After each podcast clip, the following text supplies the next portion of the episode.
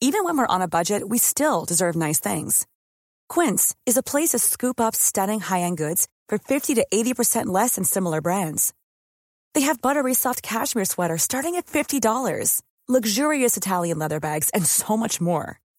Plus, Quince only works with factories that use safe, ethical, and responsible manufacturing. Get the high-end goods you'll love without the high price tag with Quince. Go to quince.com slash style for free shipping and 365-day returns. Ukas annonsør i Foreldrerådet er Ekstra. Det er grillsesong. Endelig. Alle dere som har fulgt meg gjennom en lang vinter, vet at jeg har nesten strøket med av kjedsomhet. Men nå kan vi spise ute, vi kan leve ute, vi kan henge ute, og vi kan grille. Ekstra har sitt største grillutvalg noensinne. Og hør godt etter nå. Her er en del av grillutvalget deres. Habanero-pølser, salsiccia-pølser, black aged pepper-pølser, cheesy bacon-pølser, beefy burger, cheesy burger, skinny burger, big beefy gourmet-burger, fiskeburger med hvitløk, fiskeburger med baconrødbet og søtpotetburger, soppburger, barbecue, grillfilet, svinenakke med oregano og tomat, urtemarinert fårefilet, brisket, eller brisket som det egentlig heter, T-bone steak, flank steak, tomahawk, laksefilet med pesto, laksefilet med sitronskampi med hvitløk og urter, crispy fiskeburger med ost, kyllingfilet med sitron og urter, kylling overlår, gyros, kyllingspyd, smoke, barbecue, lårfilet av kylling og entrecôte. Takk for meg. Dette er bare noen av produktene i Ekstra sitt største grillutvalg noensinne, og kommer bl.a. fra Norges mest prisvinnende grillserie, Grill Perfekt.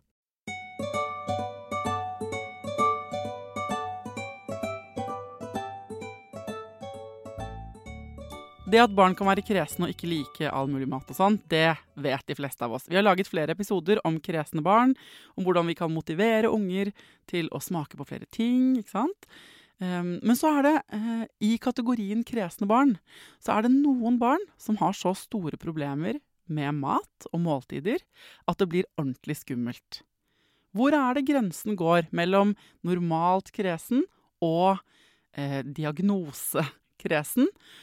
Hva slags diagnose er det når barnet har liksom spisevegring? Er det en spiseforstyrrelse? Hva er det for noe? Hva kommer det av? Og hva kan man gjøre? Hjertelig velkommen til Foreldrerådet, folkens.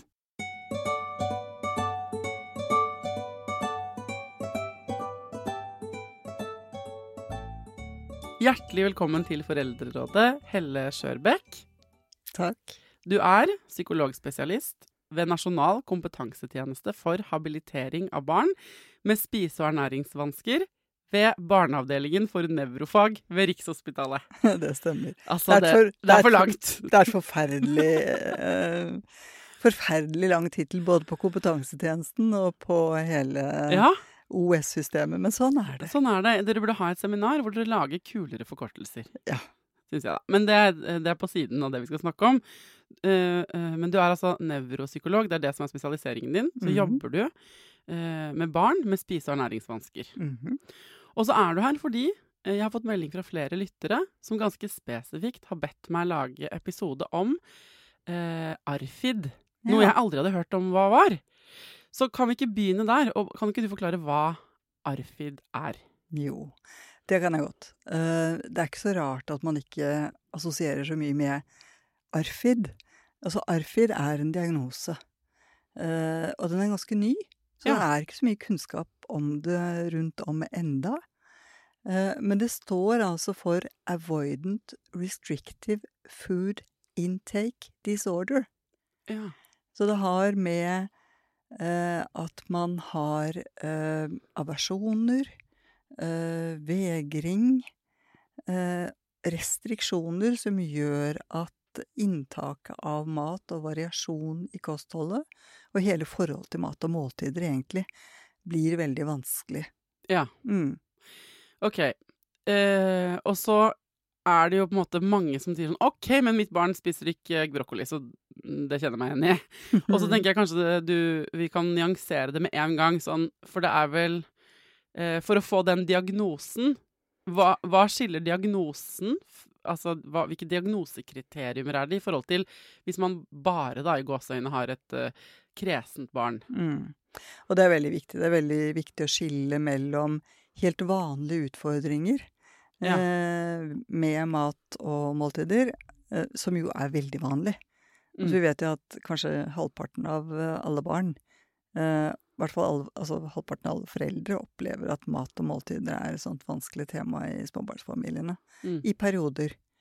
Eh, men eh, når man snakker om at man skal få dette som en diagnose, så er det noe som, som vedvarer ofte. eh, og som går ut over eh, både helse generelt og ernæring. Altså om kroppen får det den trenger, da. Mm.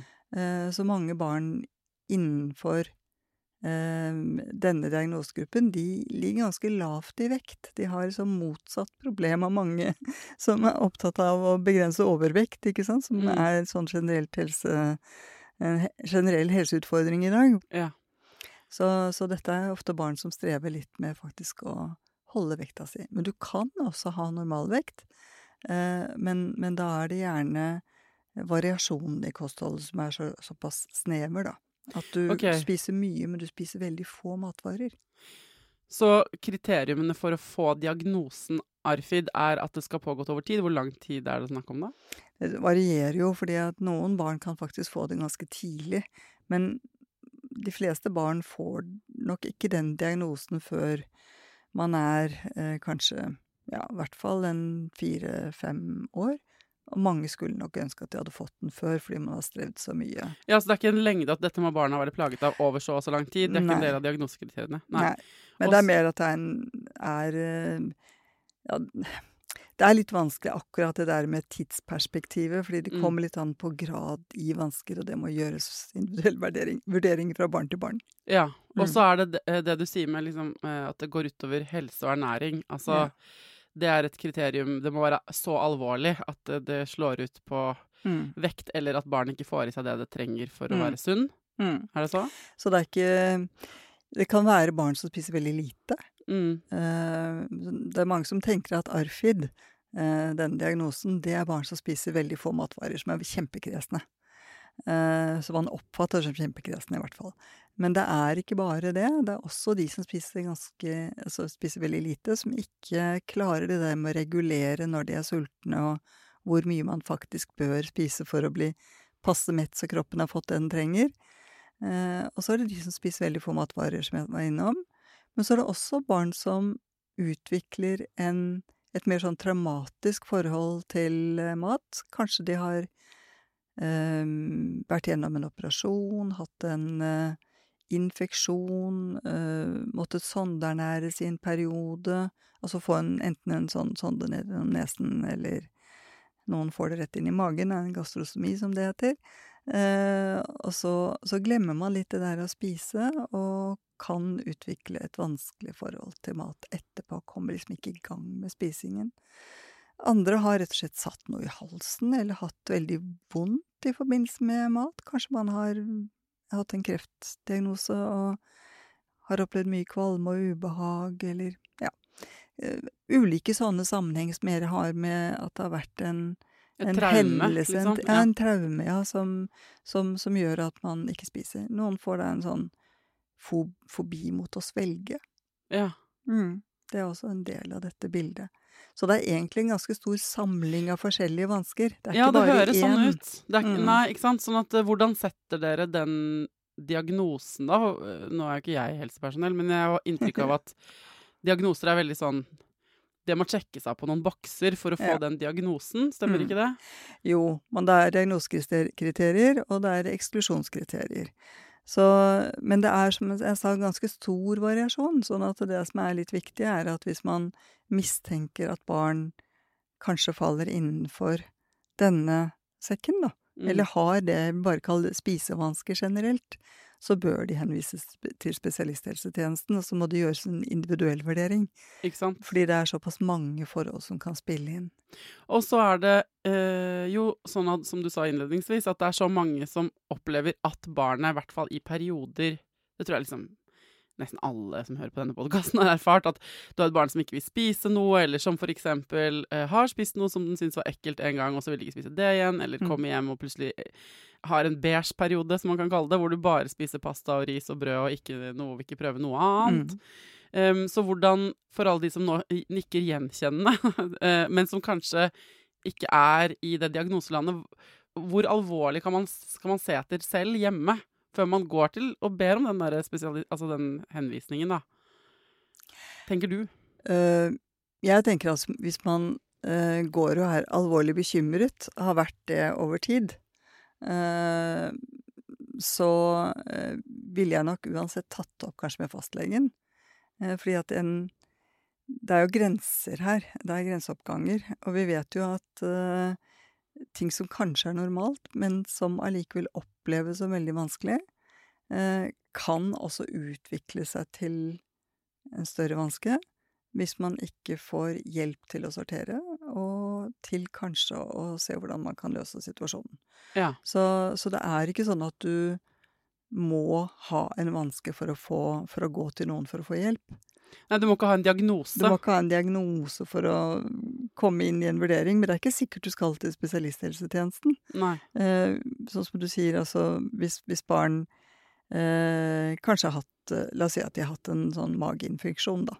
Sånn som alle unger får. Ja, ja, norovirus, liksom. Hei, hei. Ja, ja, noe sånt. -hmm. De banker på døren i alle småbarnsfamilier. Uh, og så etterpå det så vil de fleste barn kanskje begynne å spise igjen fordi de er sultne og skal innhente et vekttap.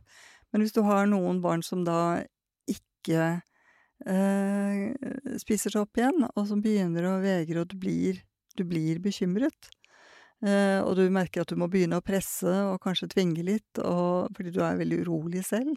Og hvis man begynner å gjøre det, så vil man ofte se at barnet Da begynner barnet å si nei. Nei, nå vil jeg ikke. Ikke sant? Barnet beskytter seg, fordi nå er det noen som begynner å presse meg her. Eh, og så er du inne i et eller annet sånt uheldig mønster. Mm. Og det kan man trenge hjelp til å komme ut av, Ja. selv om det ikke nødvendigvis er en, er en diagnose. Mm. Eh, sånn at eh, det der med når man skal søke hjelp, som var det du spurte om, Ja. eh, det blir også litt eh, Altså, det er litt bekymringsutløst, det også. ja. Det er, det er en eh, som heter Benny Keisner. Han skrev en veldig god artikkel som begynner å bli litt gammel nå, det var i 2015. Eh, hvor han laget en modell for hvordan man skal identifisere spisevansker hos barn.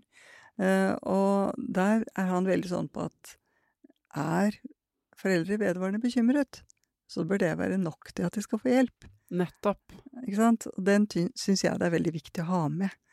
Eh, og mange av de foreldrene som kommer til oss, hvor barn faktisk kanskje har en spisevanske, da, fordi de har vært gjennom forskjellige nivåer i helsetjenestene før de kommer til oss, de sier de har gått altfor lenge. Mm. Altså de har vært innom der, og så helsestasjonen har sagt at nei, det er alle barn er kresne i perioder.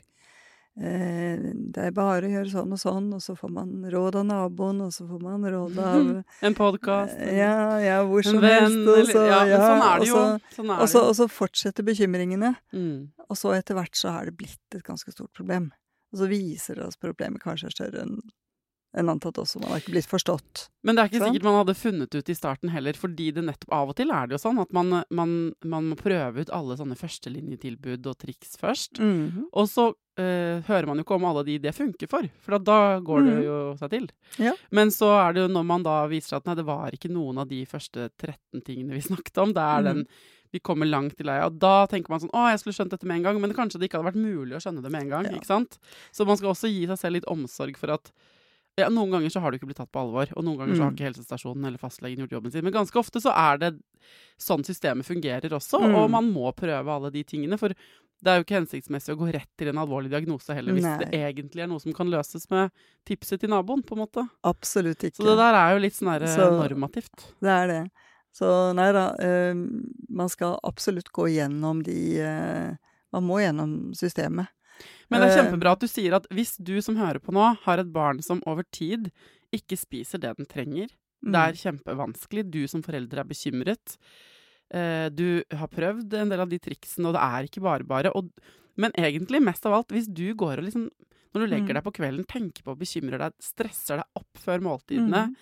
eh, det er en kamp, og det har vært det en liten stund, så er det mer enn god nok grunn for at du skal få hjelp med det. Om det ender med at du får en, barnet får en diagnose, eller om det er andre ting man kan gjøre, da. Ikke sant? Mm, helt riktig. Men vet du noe om hvorfor folk eller barn, da, får ARFID?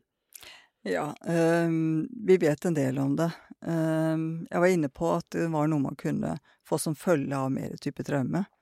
Uh, vi vet også at barn uh, Det er en viss arvelighet. Noen barn er mer sensorisk sårbare enn andre barn. og da tenker jeg mer på, på rett og slett sånn sanseinntrykkene og bearbeiding av sanseinntrykk. altså, hva er mat, og hva er måltider? Det er masse sanseinntrykk. det å Altså, vi snakker om smak, selvfølgelig, og lukt, men syn, for eksempel, Mm. kommer langt før det, og følesansen, altså følelsen av å ha mat i munnen Det lille spedbarnet som bare har fått uh, har drukket melk, enten fra pupp eller flaske, og så plutselig så får det grøt og andre ting inn i, inn i munnen. Uh, da er det en helt annen opplevelse. Mm. Og det er ofte der ting begynner. Når vi begynner å se tilbake, så er det de som har strevd fra de er ganske små, de begynner å streve ved overgangene. Overgang fra, eh, fra melk, eller fra flytende, da, til litt fastere konsistenser. Overgang fra eh, pureer og grøter og alt sånt til, til fastere føde. Ting som de skal, må jobbe litt mer med munnmotorisk. Eh, og, og de, de strever med lukt, og de strever med syn, og de strever med å få ting på seg. Eh, så det er ofte barn som ikke tar i maten. De, de vil ikke ha søl på fingrene, de vil ikke ha gris i ansiktet. De, de Når de mater, så vil de ikke ha maten på leppene. Altså det kan være sånn du ser at de, at de strever. Kanskje de i utgangspunktet kunne lært å like mange smaker, men de har såpass mange samlede utfordringer med det å bearbeide sanseinntrykkene som Så jeg stiller at mat og måltider Altså, et måltid er ofte å bade i sanseinntrykk. Mm. Ikke sant? Du, du kommer inn, og så ser du masse ting som har forskjellige farger. Eh, grønne, grønn agurk og rød tomat og alt dette der. Og det, for meg så er det bare veldig appetittvekkende. Ja, Mens, mens for et sånt barn så kan det være en overload. Altså rett og slett sånn det er for mye. Det er for mye. Ja. Det gir jo da mening at de, eh, disse barna også finner sånn Ja, men da er hvitt brød Det er Mm. trygt. Mm. Det er samme konsistens hver Mm. gang. Mm. Det er ikke avskrekkende i farger, ikke sant? Det, det, det gir jo litt Jeg skjønner jo litt hvis, hvis eh, man er veldig eh, sann, altså sånn litt skjør, da, på Mm. de inntrykkene. At det er veldig sånn pasta eller eh, Altså mm, brød servert akkurat på samme måte hver gang, eller at ting At, man, at de ender opp med å spise bare noen, et få antall matvarer som de kjenner veldig godt. For da er det jo ikke så overveldende. Da er det, da, og, det er, og det er jo noe som ofte utvikler seg. Det er jo ikke sånn det var helt til å begynne med, når man liksom nøster bakover. Eh, men det blir litt sånn overtro kanskje hos barnet. Hos et barn som ikke har evne til å tenke så Mm. logisk. Men, men allikevel så blir det noen gjenkjennelige egenskaper som de fester seg ved. Ja. At når man ser igjen sånn og sånn og sånn, for eksempel en innpakning, altså på ett merke, ok, da vet jeg hva det er. Ja. Den kjenner jeg. Den, den har jeg erfaring med. Det har man Men alt- trygghet, liksom. Alt annet, det vet jeg ikke hva er. Nei. Da ligger jeg unna det. Så, sånn at det blir en sånn da at man forsikrer seg om at det man får i seg, det er noe man mestrer. Men er det en angstlidelse? Det er ofte forbundet med angst, ja. Mm. Eh, så i hvert fall relatert til mat. De behøver ikke ha en generell angstlidelse, men i hvert fall når det gjelder, gjelder mat. Noen er generelt engstelige. Ja. Men sånn over tid, hvis dette får lov til å bare sånn fortsette å surre og gå, hadde jeg nær sagt, så vil jo mange også generalisere det sånn at eh, eh, man blir redd for å være med i sammenhenger der det, er, der det forventes at, forventes at du skal spise. Altså en sånn type Bursdag, eller Ja, bursdag kan være kjempeutfordrende. mm. Um, også spise i barnehagen, spise på skolen. Det kan være kjempevanskelig. Ja, for det kan liksom balle på seg, sånn at du begynner med det ubehaget som du merker fordi risikoen da for å bli utrygg i spisesituasjonen, som inneholder også så mange inntrykk, men også sånne sosiale ting og alt mulig, så kan etter hvert så er det ikke sant, det begynner med noe, så baller det på seg, så blir det med litt mer, og så er det Mm. Og flere og flere ting assosieres da med, Mm. med det som i utgangspunktet var kanskje en liten, et lite ubehag. Så har Mm. det bare spredt seg. Som jo ligner på andre angstlidelser. Altså Mm. som vi har snakket om før i Foreldrerådet og på mange, i mange forskjellige varianter, egentlig. Og jeg tenker også vi voksne altså, Nå er jo jeg en sånn altetende type, og øh, men, jeg, men alle vi har vi jo noe vi ikke liksom Om det så er Tequila-shots, liksom, fordi du har blitt Mm, dårlig på byen, eller Mm. eh, et eller annet som du har hatt, fått matforgiftning av, eller noe sånt. Mm. Eh, og det er jo litt hvis man, hvis man trenger å sånn, For man kan sikkert bli frustrert som voksen når man står rundt barn som har dette, denne utfordringen. Hvis man da, eh, for å, for å kjenne litt på kroppen selv, tenker OK, det du kastet opp av sist gang du hadde matforgiftning, det er den følelsen som bringes til middagsbordet ditt. Mm. Ikke sant? Og den anspentheten, og nå må jeg like det, og nå forventer alle at jeg skal synes at dette er godt. Og i hvert fall i en bursdag der alle Altså, man kan, da har man, kan jeg kjenne at eh, jeg kan eh, jeg, jeg får veldig mye mer eh, empati for hvor mm. vanskelig det kan bli. Mm. Og det, det er jo ofte den Det var en veldig god beskrivelse du hadde. Eh, og disse barna som har det sånn, de blir jo ofte veldig ensomme i forhold til Ja. deres mat. Eh, Fordi at eh, alle tenker at eh, ja, men du må jo bare smake. Mm. Du må jo bare Dette gjør jo alle. Alle liker. Altså, alle barn liker sjokolade. Alle liker sjokoladekake. Alle det, da. Kom igjen. bare, prøv. ikke sant? Og så, og så er det nesten som om jeg pleier å bruke et bilde av eh, Som jeg selv ble presentert for på en forelesning jeg var på for mange år siden i England. Altså, du får, har sånn pølsebrød, og så oppi det pølsebrødet så ligger det ikke en pølse, men det ligger en svær sånn eh, slimete snegle. Ja. Og den kan ha ketsjup og sennep på seg, og så ligger den og pli, ser liksom plirende på deg, eller hva, hva den gjør med disse følehornene. Jeg så en ja, sånn snegle i dag i hagen. Det var veldig, det ble veldig Ja. levende for meg. All, alle liker jo pølse i brød. Denne pølsen er kanskje litt annerledes enn de du pleier å spise, men den er jo det er kjempegodt.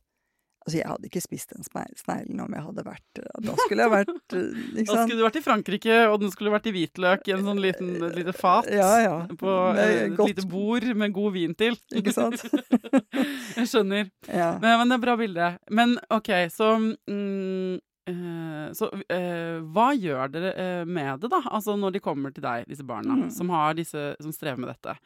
Eh, og nå tenker jeg for de som hører på, som enten har barn som ikke har diagnosen eller ikke har fått diagnosen, men som kjenner seg igjen i denne problematikken. Mm. Jeg har jo laget to episoder før. En som Mm. heter eh, 'Småspiste barn', eller hvis dere skriver eh, 'Kresne barn' og Foreldrerådet, så kommer den episoden opp. Og en annen som heter 'Mat', med en eh, psykolog som heter Elisabeth Gerhardsen. Og der snakker vi mye om hvilke ting vi skal servere, hvordan vi skal gjøre det Mhm. rundt måltidene, osv., osv. Men øh, øh, Og jeg vet at du har hørt litt innom de episodene for å se hva Mhm. vi har snakket om før. Men um, Så jeg vil anbefale de til de av dere som strever med dette. Og så lurer jeg på hva du i din jobb, når det blir såpass komplisert som det jo blir for de som kommer til deg, Mm. hva er behandlingen? Eh, det kan være det, det er jo, som jeg sa, en ganske bredt spekter, dette her. Det er ikke, det er ikke bare én ting. Så det, blir, det er litt vanskelig i en sånn helt konkret rekke med råd, men Fader, nå hadde jeg håpet på Ja, en sånn to streker men under du- men du- Men du skal, du skal få noe. Uh, og det er jo dette med at Husk at uh, altså, For dette er jo Vi snakker jo mye til foreldre her. Og det å være foreldre til et barn som strever med mat og måltider, det er kjempevanskelig. Det er kjempevanskelig å være barnet, og det er kjempevanskelig å være foreldrene. Mm. Det er kjempe, kjempevanskelig å være søsken. Å skille mellom hvilke behov har søsken, og hvilke behov har faktisk dette spesielle barnet.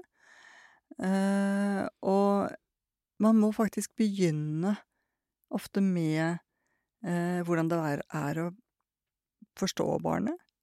Eh, og kanskje glemme litt de andre rådene, fordi at alt de, altså de vanlige rådene gjelder kanskje ikke her. For eksempel. For eksempel den maten som barnet faktisk er i stand til å spise seg mett av, det er barnets mat. Og det første vi må gjøre, er å gjøre den maten til noe som er akseptert for barnet. Fordi barnet har jo ofte en sånn skam eh, over å bare spise det det kan spise. For eksempel brød, da, For eksempel barn som spiser bare beige mat, eller altså sånn type Ja, altså Jeg kan ta et eksempel, da. Kan, eh, et barn som spiser én type rundstykke, må være lunt, med akkurat én type smør til frokost. Det er bare det. Eh, det må være akkurat det som er kjøpt i den butikken, må ha riktig temperatur, ikke være for sprøtt og for mykt og alt sånt. Altså kanskje én type smør, hvis det er smør i det hele tatt. Uh, ikke noe farget pålegg, kanskje. Og så eh, på skolen eh, Ja, noen vil ikke ha skolemat i det hele tatt. Kanskje Kvikk Lunsj. Noen spiser rett og slett bare to, to striper Kvikk Lunsj på skolen. Ja. Det er ikke alltid like lett for foreldre å sende med Kvikk Lunsj i matpakken. Nei. Nei, men det, det er barn som gjør det. Eh, og så kanskje bare pasta. Én type. Uten noe på. Uten noe på. Ok, så det er maten dette middag. barnet spiser. Det kan være det det, kan være det, det barnet spiser. Så når du sier å aksep lage aksept, Altså og ta da, vekk skammen fra det, disse matvarene, ja, hvordan gjør vi det? eh, da blir det å tenke at uh, denne maten må ikke bare barnet få alene. Vi må ta bort den der ensomheten i å sitte med akkurat de få matvarene. Så det er ikke så lett å si til en hel klasse at de skal spise Kvikk Lunsj til i, i storpris, og den, jeg tror ikke går den veien. Da må vi finne andre løsninger. Eh, for det går an å snakke positivt om den Kvikk Lunsjen. Altså Mm. det er Den inneholder de Altså hvis en klinisk ernæringsfysiolog har sagt at for dette barnet så gir den nok energi. Eh, og det må alle barn ha i løpet av skoledagen for å lære. Altså så finne noe positivt. Og for å ta, level 1 er å ta vekk skammen. Ta bort skammen. Mm. Ever catch yourself eating the same flavorless dinner three days in a row? Dreaming of something better? Well, HelloFresh is your guilt-free dream come true, baby. It's me, Kiki Palmer. Let's wake up those taste buds with hot, juicy pecan-crusted chicken or garlic butter shrimp scampi. Mm. Hello Fresh. Stop dreaming of all the delicious possibilities and dig in at HelloFresh.com. Let's get this dinner party started. Hey, it's Ryan Reynolds, and I'm here with Keith, co star of my upcoming film, If, only in theaters, May 17th. Do you want to tell people the big news? All right, I'll do it. Sign up now and you'll get unlimited for $15 a month in six months of Paramount Plus Essential Plan on us. Mintmobile.com slash switch. Upfront payment of $45 equivalent to $15 per month. Unlimited over 40 gigabytes per month. Face lower speeds. Videos at 480p. Active Mint customers by 531.24 get six months of Paramount Plus Essential Plan. Auto renews after six months. Offer ends May 31st, 2024. Separate Paramount Plus registration required. Terms and conditions apply if rated PG. Ukas annonsør i Foreldrerådet er Nextory. Det er en lydbok- og e-bok-app. Altså, du kan både høre på bøker og lese dem på telefonen din eller nettbrettet ditt. Og akkurat nå så får du 45 dager gratis, både til deg som kanskje har prøvd Nextory før, men også til deg som er helt ny. Jeg digger at også de som har prøvd det før, får lov til å prøve igjen. For å få 45 dager gratis, gå inn på nextstory.no – foreldrer.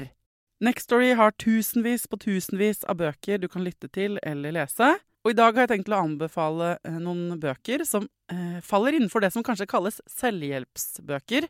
Men den kategorien har jo litt ufortjent dårlig rykte, spør du meg. Den første boka jeg vil anbefale, er boka som heter 'Psykolog med sovepose'. Johanne Refseth, som har skrevet den boka, var jo gjest her for noen uker siden. Den er absolutt verdt å lese eller lytte til.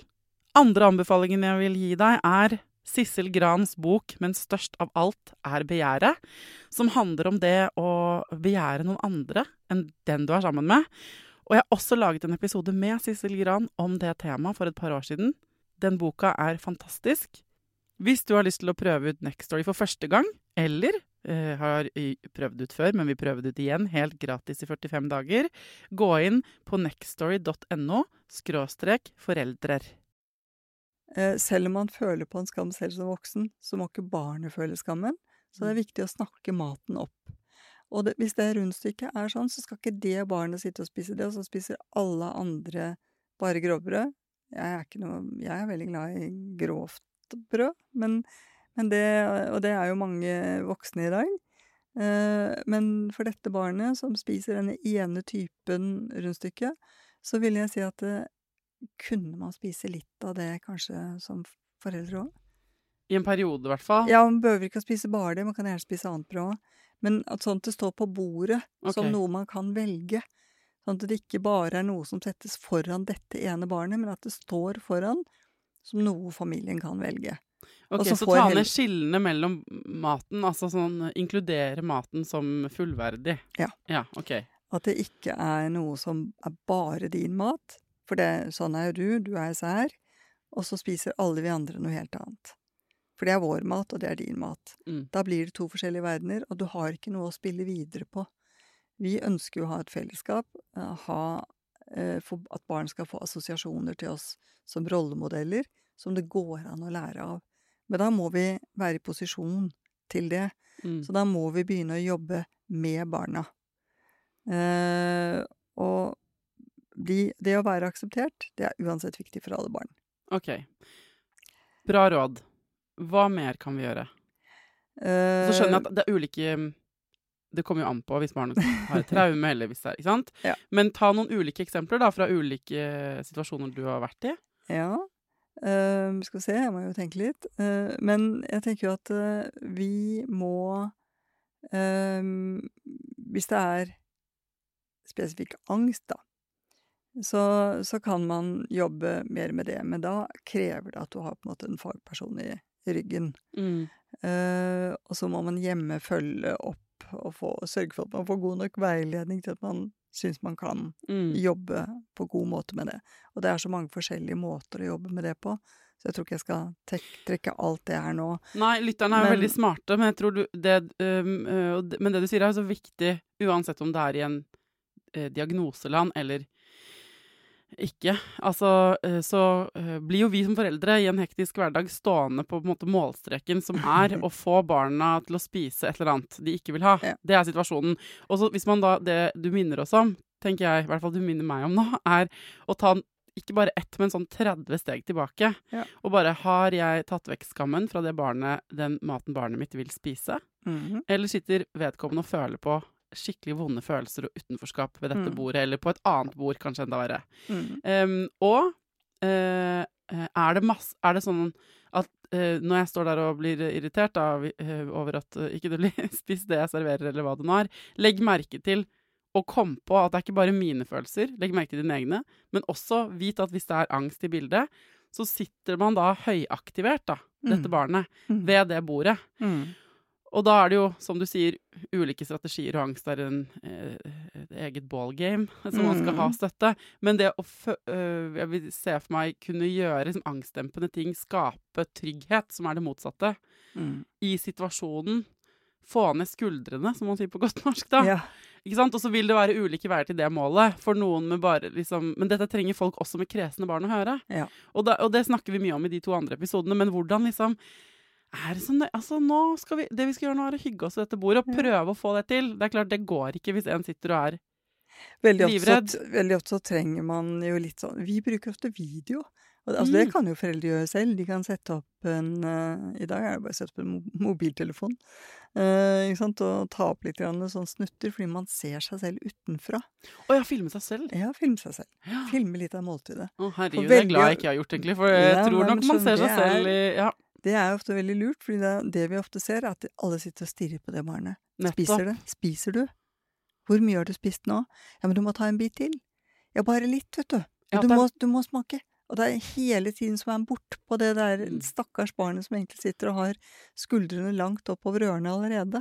Og at det er mer enn man tror. Man tror kanskje ikke at man gjør det så mye, men man gjør det mye mer enn man tror. man er veldig kul og bare støtter. Ja. Eh, og så ser man at hvis man bare ser en helt annen vei, lar barnet få lov til å sitte og bruke sin tid på å observere alle andre rundt bordet, har, barnet har maten tilgjengelig foran seg, så vil barnet forhåpentligvis, i veldig mange tilfeller, strekke hånden frem og velge selv. Når vi sitter og ser ut av vinduet og snakker om 'å, der gikk det en mann med en hund', eller 'kjørte det en spesiell bil', eller 'hva skjer, bygger de noe hos naboen'. Mm. Altså, hva det nå måtte være, eller hva skjedde. Fokuser på andre. Og hvis man skal snakke om maten, så snakk positivt om den maten som barnet er i stand til å spise. Mm. Så er det ofte at vi starter med kanskje større porsjoner av det barnet kan spise, og så begynner vi med, med variasjon, men med utgangspunkt i det barnet mestrer. Altså man, Hvis barnet bare spiser beige mat, så begynner vi ikke med Grønn. Nei, ikke sant? Da, da begynner vi med nyanser i beige og brunt. ja, jeg skjønner. Ja. Ja. Altså, man, Så man ristet brød istedenfor med... Yes. rått brød, på en måte. Ja, for eksempel. Eller fra runde kjeks til firkanta kjeks og én type knekkebrød til en annen. Altså eh, variasjon og fleksibilitet. og så kanskje man kan flytte litt rundt på ting. Altså sånn at det barnet spiser til frokost, kan man kanskje ta i litt andre sammenhenger også. Fordi det er ofte sånn at man har bare én ting til frokost, og bare én ting til lunsj, og bare én ting til middag. Det går an å spise middagsrester i matpakken, det går an å spise. Så hvis man kan få til den type variasjon, så er det også variasjon, som gjør at barnet opplever mestring ved å klare nye ting, men innenfor sin komfortsone. Men hvor mye skal man da rose denne Apropos at man ikke skal eh, lage mye styr rundt ting. Hvor mye skal man da rose spisingen av firkantede kjeks istedenfor runde? Man skal ikke rose det i det hele tatt. Man Nei. skal bare si at eh, ja, hyggelig, nå har vi Det er mye mer, mer praktisk, vet. Nå kan vi spise dette sammen. Altså, det er liksom sånn bare komme med sånne dagligdagse kommentarer som egentlig er helt uh, naturlige. Ehm, veldig ofte også, vi skal ta ett eksempel til, så istedenfor å begynne å si at du skal smake, så begynner jeg å si vet du, skal vi, skal, vi skal bare undersøke. Ja. Nå, skal vi, nå skal vi ikke spise i det hele tatt. Vi skal ikke, er absolutt, nå skal vi, vi skal ikke spise, vi skal ikke smake på i det hele tatt. Vi skal bare se på. Altså, se her, her har vi denne typen kjeks som du vet godt hva er, vet du. Og så har vi en annen type. Eh, hva, hva er likheten mellom disse? Mm. Ja, ok, de er den fargen og den fargen, ja. Ikke sant? Kan, kan du prøve å brekke i den? Hvordan, hvordan kjentes det ut å brekke den kjeksen? Kjent, hvordan var det å brekke den andre? Var det, var det greit? Ofte så sier barna det ganske likt da, når barna blir stort nok til å sammenligne. Um, skal vi prøve å se på det mikroskop, eller sånn eh, Forstørrelsesglass. Forstørrelsesglass. Det er ikke alt som er mikroskop hjemme, det har ikke jeg heller. Men ikke sant, altså sånn Få barn til å nærme seg det, og kanskje oppdage at det, det er ikke så farlig. Så kanskje kommer helt av seg selv at de tør å smake, Mm. hvis det bare ligger der. Og kanskje de ikke tør å smake det hjemme, kanskje smaker de det i barnehagen. Eller hos en kompis. Men jeg lurer på en ting, fordi øh, det må jo være sånn også at disse foreldrene til disse barna, når jeg skjønner nå hvor begrenset repertoaret av mat er for en del Mm. av disse barna eh, De foreldrene må være veldig bekymret for næring Altså hvor eh, For ernæring. For det er næring, ja. Ja. For, uh, er, eh, hva gjør man med det, egentlig? Når du Mm. sier at uh, diagnosekriterium er også at det går utover ernæring, Mm. og at de er- kan være undervektige, f.eks. Ja. På et eller annet tidspunkt så er det vel liksom farlig? Ja, det, er- det er derfor jeg sier at uh, man skal Da skal man, man skal tenke henvisning. Mm. Eh, for hos oss så sier vi alltid at vi må ha minst tre fagområder inne. Og det er det medisinske. Man skal utelukke at dette ikke skyldes noe medisinsk som man, noe som har med kroppen å gjøre, som man ikke har oppdaget. Mm. Eh, at man har ferdigbehandlet eller behandlet så godt som mulig det som måtte være av andre ting, fordi det kan godt hende at dette barnet også har andre diagnoser. Eh, og så skal man ha med en klinisk ernæringsfysiolog eh, som gjør en vurdering av kostholdet. Ofte så tar de blodprøver for å se om det er mangeltilstander. Og det vil jeg tro det er. Hvis- Vet du hva, vi er faktisk ganske ofte overrasket over at det ikke er det. Og det eller at det er relativt små ting, da. Eh, Veldig ofte så godtar også disse barna at de tar noe tilskudd. Ja. Vitaminbjørner eller sånne fisker eller noe, Ikke sant? noe sånt. Jeg vet ikke om folk husker den episoden av Var det eh, Hellstrøm eller et eller annet sånt? Eh, En eller annen sånn episode hvor sånn Nugatti-mannen, en sånn mann Ja. i Norge på 40 år eller sånn, som bare hadde spist brødskive med Nugatti, det var hans kosthold, på en måte. Ja, ja. Det finnes jo voksne mennesker også, som spiser veldig begrenset antall ting, og som overlever, og som egentlig er sånn under I hvert fall når jeg tenker på hvor mye jeg styrer for at vi skal få liksom ulike typer grøntfôr i middagene våre, på en måte. Mm. Så tenker jeg sånn nå, eh, menneskearten er ganske Mm. robust, Ja. på en måte. Men det er jo sånn sånn som i hvert fall Nå samarbeider jo jeg i et tverrfaglig team. Uh, og jeg, jeg sa lege, uh, ernæring, og så må vi ha den psykososiale Mm. biten inne. Så vi snakker om sånn biopsykososial tenkning. Uh, ikke ren sånn bare kropp og bare medisin og bare finne en årsak, og så behandler vi symptomene. Og heller ikke bare psykiatri, men en sammenheng mellom dette. Ehm, og um, det min kliniske ernæringsfysiolog, hun som jeg samarbeider tettest med, pleier å si, er at du må sikre at det er en proteinkilde i alle måltider. Så om det er et eller annet melkeprodukt, eller om det er barn som spiser pannekaker, som det er egg, Mm. la, lage det med både fløte og egg. Uh, og um, at man uh, Ja. Når man går gjennom kostholdet, så finner man ofte at det er variasjon. eh, som gjør at du får dekket de grunnleggende tingene. Eh, så Man må jo sikre det i det, bånn, det, må, liksom. det må sikres i bunnen, altså. Så det er derfor jeg tenker det er, det er viktig at eh, når man ser bekymring for dette, hvis en helsestasjon er bekymret for hvordan et barn legger på seg, så skal fastlegen inn og gjøre en vurdering, og eventuelt henvise til spesialisthelsetjenesten, da, som er nærmeste Ja. og barneavdeling, ikke sant, for å få gjort en, en bredere vurdering. Så, og, og i dag så fins det eh, kompetanse på dette ved de aller fleste helseforetak her i landet. Så for de som hører på nå, som skal inn i en middagssituasjon De hører på Foreldrerådet enten Mm. ikke sant, på vei til jobb om morgenen, og så neste gang de ser barna deres, er på, på ettermiddagen.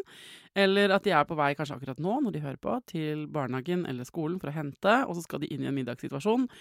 Og så kjenner de seg igjen, og kanskje søkte opp denne episoden spesifikt, fordi dette her er stress hjemme hos dem. Hva er det første du tenker at de kan ta med seg inn i den forestående måltidssituasjonen? Åh, ja.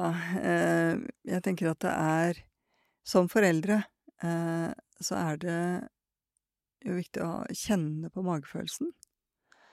Eh, altså, det er viktig å tenke at Eller viktig å ha med seg at det er faktisk ganske få barn totalt sett som oppfyller kriteriene for diagnose. Mm. Så man kan godt være ganske bekymret, og det er derfor jeg sa kanskje trenge noen å diskutere det med, bare for å få sortert om det er grunnlag for å gå videre eller ikke. Eh, men man skal ikke gå til måltidet og tenke at nå skal vi se etter problemer. Og så er det mer å se etter hvordan skal du eh, kunne eh, jobbe med å forstå barnet ditt, og se at hvis barnet faktisk legger på seg, har nok overskudd og energi til å leke og vokse og være i normal aktivitet. Noen er tynne, noen er ikke så høye av vekst.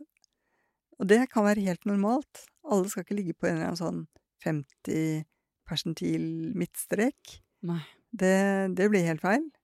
Eh, men, men hvis det er barn som er små og tynne, så må man tenke litt motsatt av eh, de vanlige kostrådene.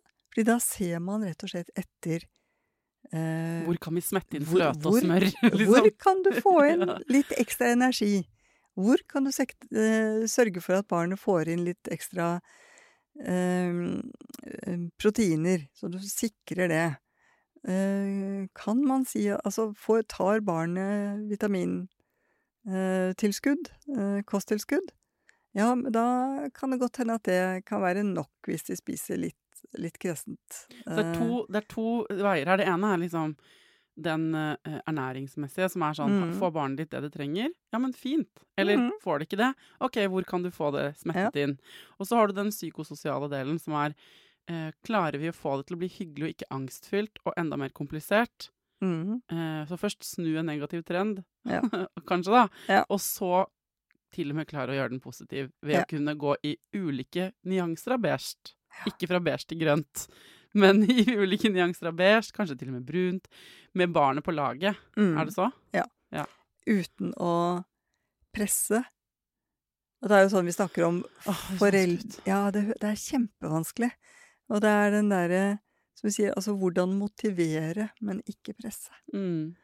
Eh, nå ligger det en del informasjon ute på den hjemmesiden, på denne kjempekronglete kompetansetjenesten som, som du startet med å Ja. å nevne. Nasjonalt Nasjonal kompetansetjeneste for habilitering av barn med spise- og ernæringsvansker.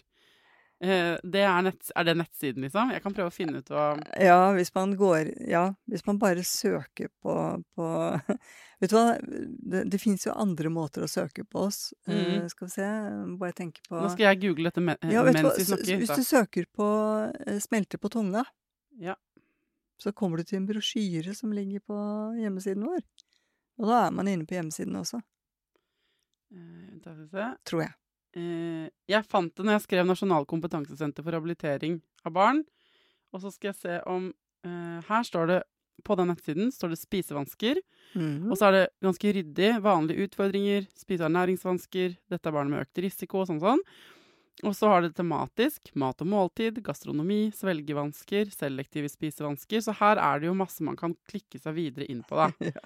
Og så skal jeg sjekke om smelter på tunga. Jeg er redd vi får en eh, oppskrift på karameller eller noe sånt, jeg, da. ja, det kan jo Nei! Det kom rett inn øverste Google-søk. Smelter på eh, tunga. Konsistenttilpasset, konsistenstilpasset mat for mm. barn. Nettopp, da kom jeg rett inn på den brosjyren. Ja. Du hadde helt rett. Ja. ikke sant. Her er det masse tips og triks.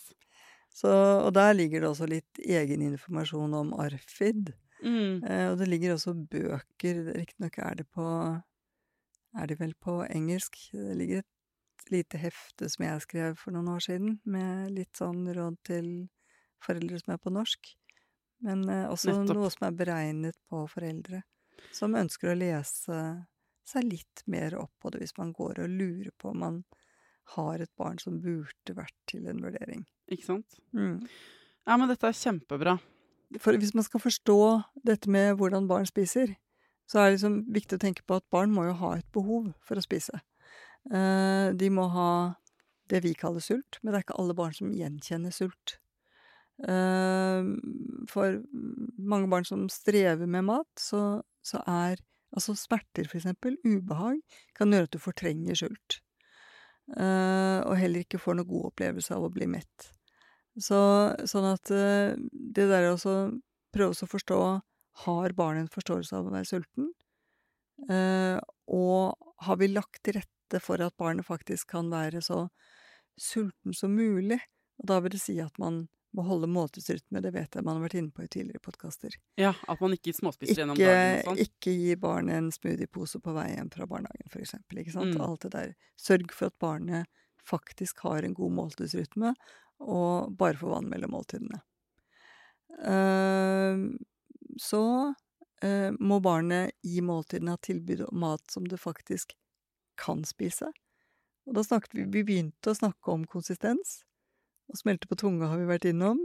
Å smelte på tunga, det er sånn Det er en hef, en, et hefte som beskriver dette med ulike typer konsistenser og hvor komplekse de er, eh, for å se hva barnet har erfaring med, sånn at det kan mestre. Så må barnet ha lært å like mat, og det er hele det store spekteret med å introdusere over tid og bli kjent med, for barn liker det de har erfaring med, mm. gjenkjenner. Barn liker det de eh, kjenner, og det de kjenner og liker, det spiser de. Eh, så det, om det er snevert, eller om det er Brett. hele brede Ja. spekteret. Eh, og så er det, altså sist, men ikke minst, det med måltidene, som vi har også vært inne på, med de positive måltidene. Altså måltider som er en hyggelig arena å gå til.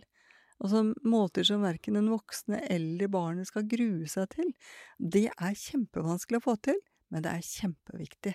Mm. Og du får det ikke alltid til, så det må være liksom Sats på de måltidene som hvor du har skuldrene litt sånn nedpå selv som forelder, og når du, hvor, hvor du har litt god tid.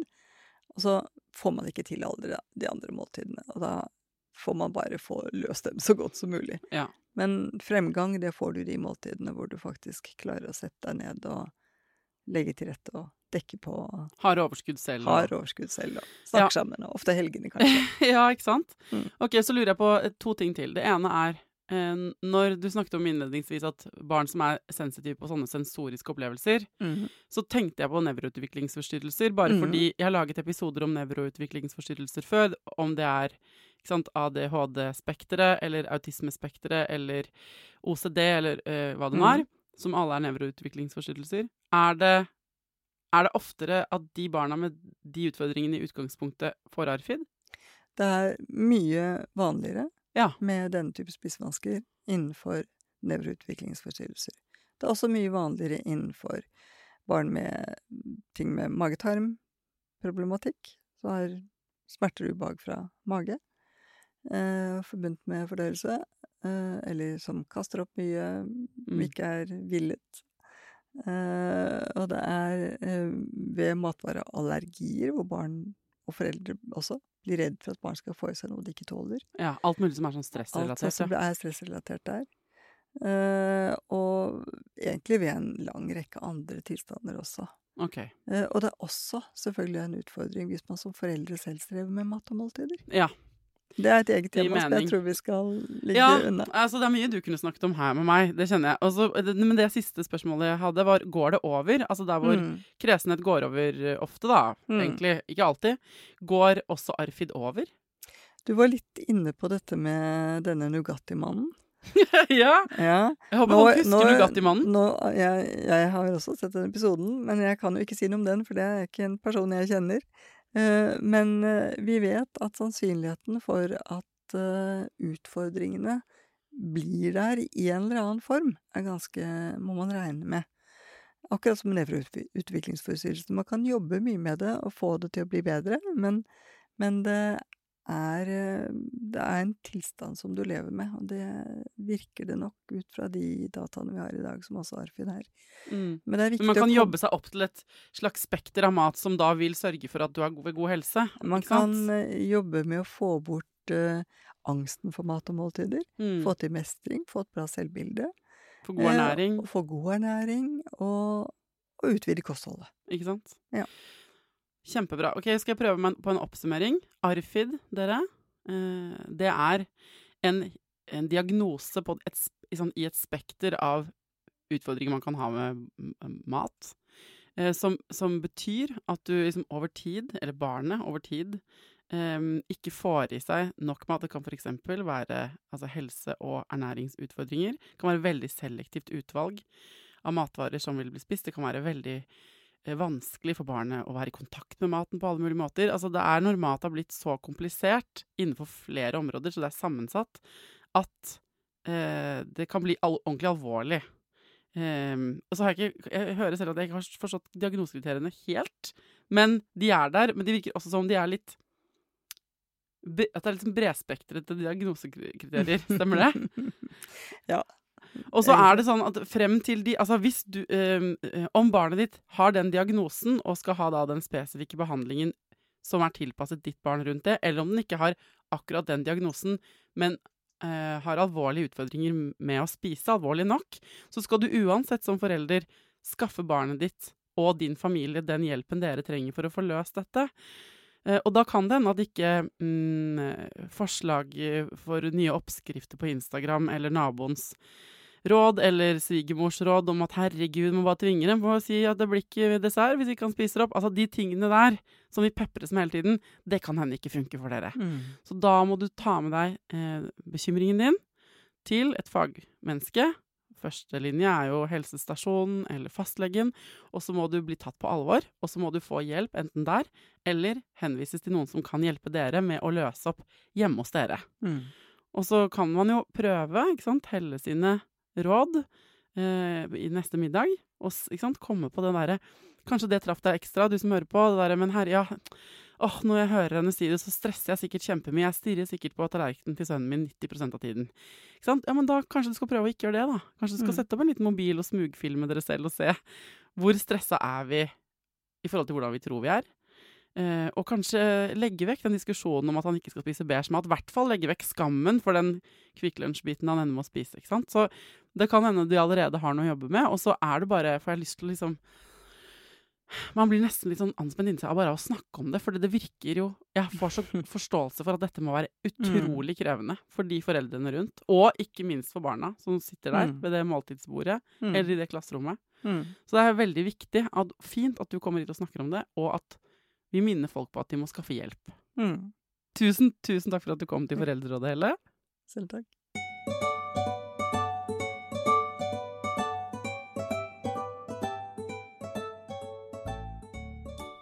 Hvis du sitter og hører på Foreldrerådet og har et issue, et problem i ditt eget liv med unger som du trenger hjelp til, så er jo på en måte din oppgave å sende det problemet til meg, så jeg kan hente inn en ekspert som kan svare på det vi lurer på. Det kan være noe om mat og matvaner i familien. Det kan også være noe om relasjonen din. Det kan være noe helt annet. Det kan være liksom forholdet ditt til kjæresten, forholdet ditt til ungen din. Det kan være utfordringer i barnehagen eller på skolen eller Hvis det har med foreldreliv å gjøre, og du har lyst til å finne svar på ting du ikke kan, send det til meg, så jeg kan hanke inn en ekspert som kan svare for oss. Det er, det er sånn det funker her i Foreldrerådet. Takk for at dere engasjerer dere, takk for at dere hører på. Takk for at dere deler episoder dere syns er gode, med andre som dere syns burde høre på. Ehm, det elsker jeg. Til neste gang, ta vare på deg sjæl, ta vare på ungen din, og lykke til.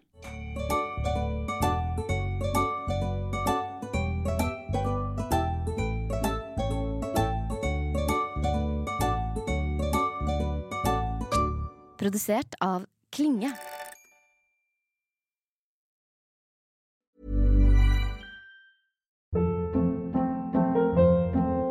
Hold up. What was that? Boring. No flavor. That was as bad as those leftovers you ate all week. Kiki Palmer here, and it's time to say hello to something fresh and guilt-free. Hello Fresh. Jazz up dinner with pecan-crusted chicken or garlic butter shrimp scampi. Now that's music to my mouth. Hello Fresh. Let's get this dinner party started. Discover all the delicious possibilities at hellofresh.com.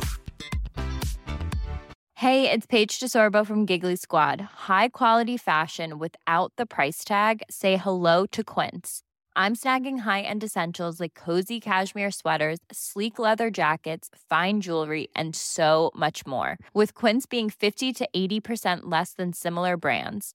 And they partner with factories that prioritize safe, ethical, and responsible manufacturing. I love that. Luxury quality within reach. Go to quince.com slash style to get free shipping and 365 day returns on your next order. Quince.com slash style. Hi, I'm Daniel, founder of Pretty Litter. Cats and cat owners deserve better than any old fashioned litter. That's why I teamed up with scientists and veterinarians to create Pretty Litter. Its innovative crystal formula has superior odor control and weighs up to 80% less than clay litter. Pretty Litter even monitors health by changing colors to help detect early signs of potential illness. It's the world's smartest kitty litter.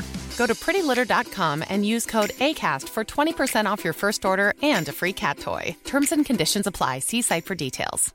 Mom deserves the best, and there's no better place to shop for Mother's Day than Whole Foods Market. They're your destination for unbeatable savings, from premium gifts to show-stopping flowers and irresistible desserts. Start by saving 33% with Prime on all body care and candles. Then get a 15-stem bunch of tulips for just $9.99 each with Prime. Round out Mom's menu with festive rosé, irresistible berry chantilly cake, and more special treats. Come celebrate Mother's Day at Whole Foods Market.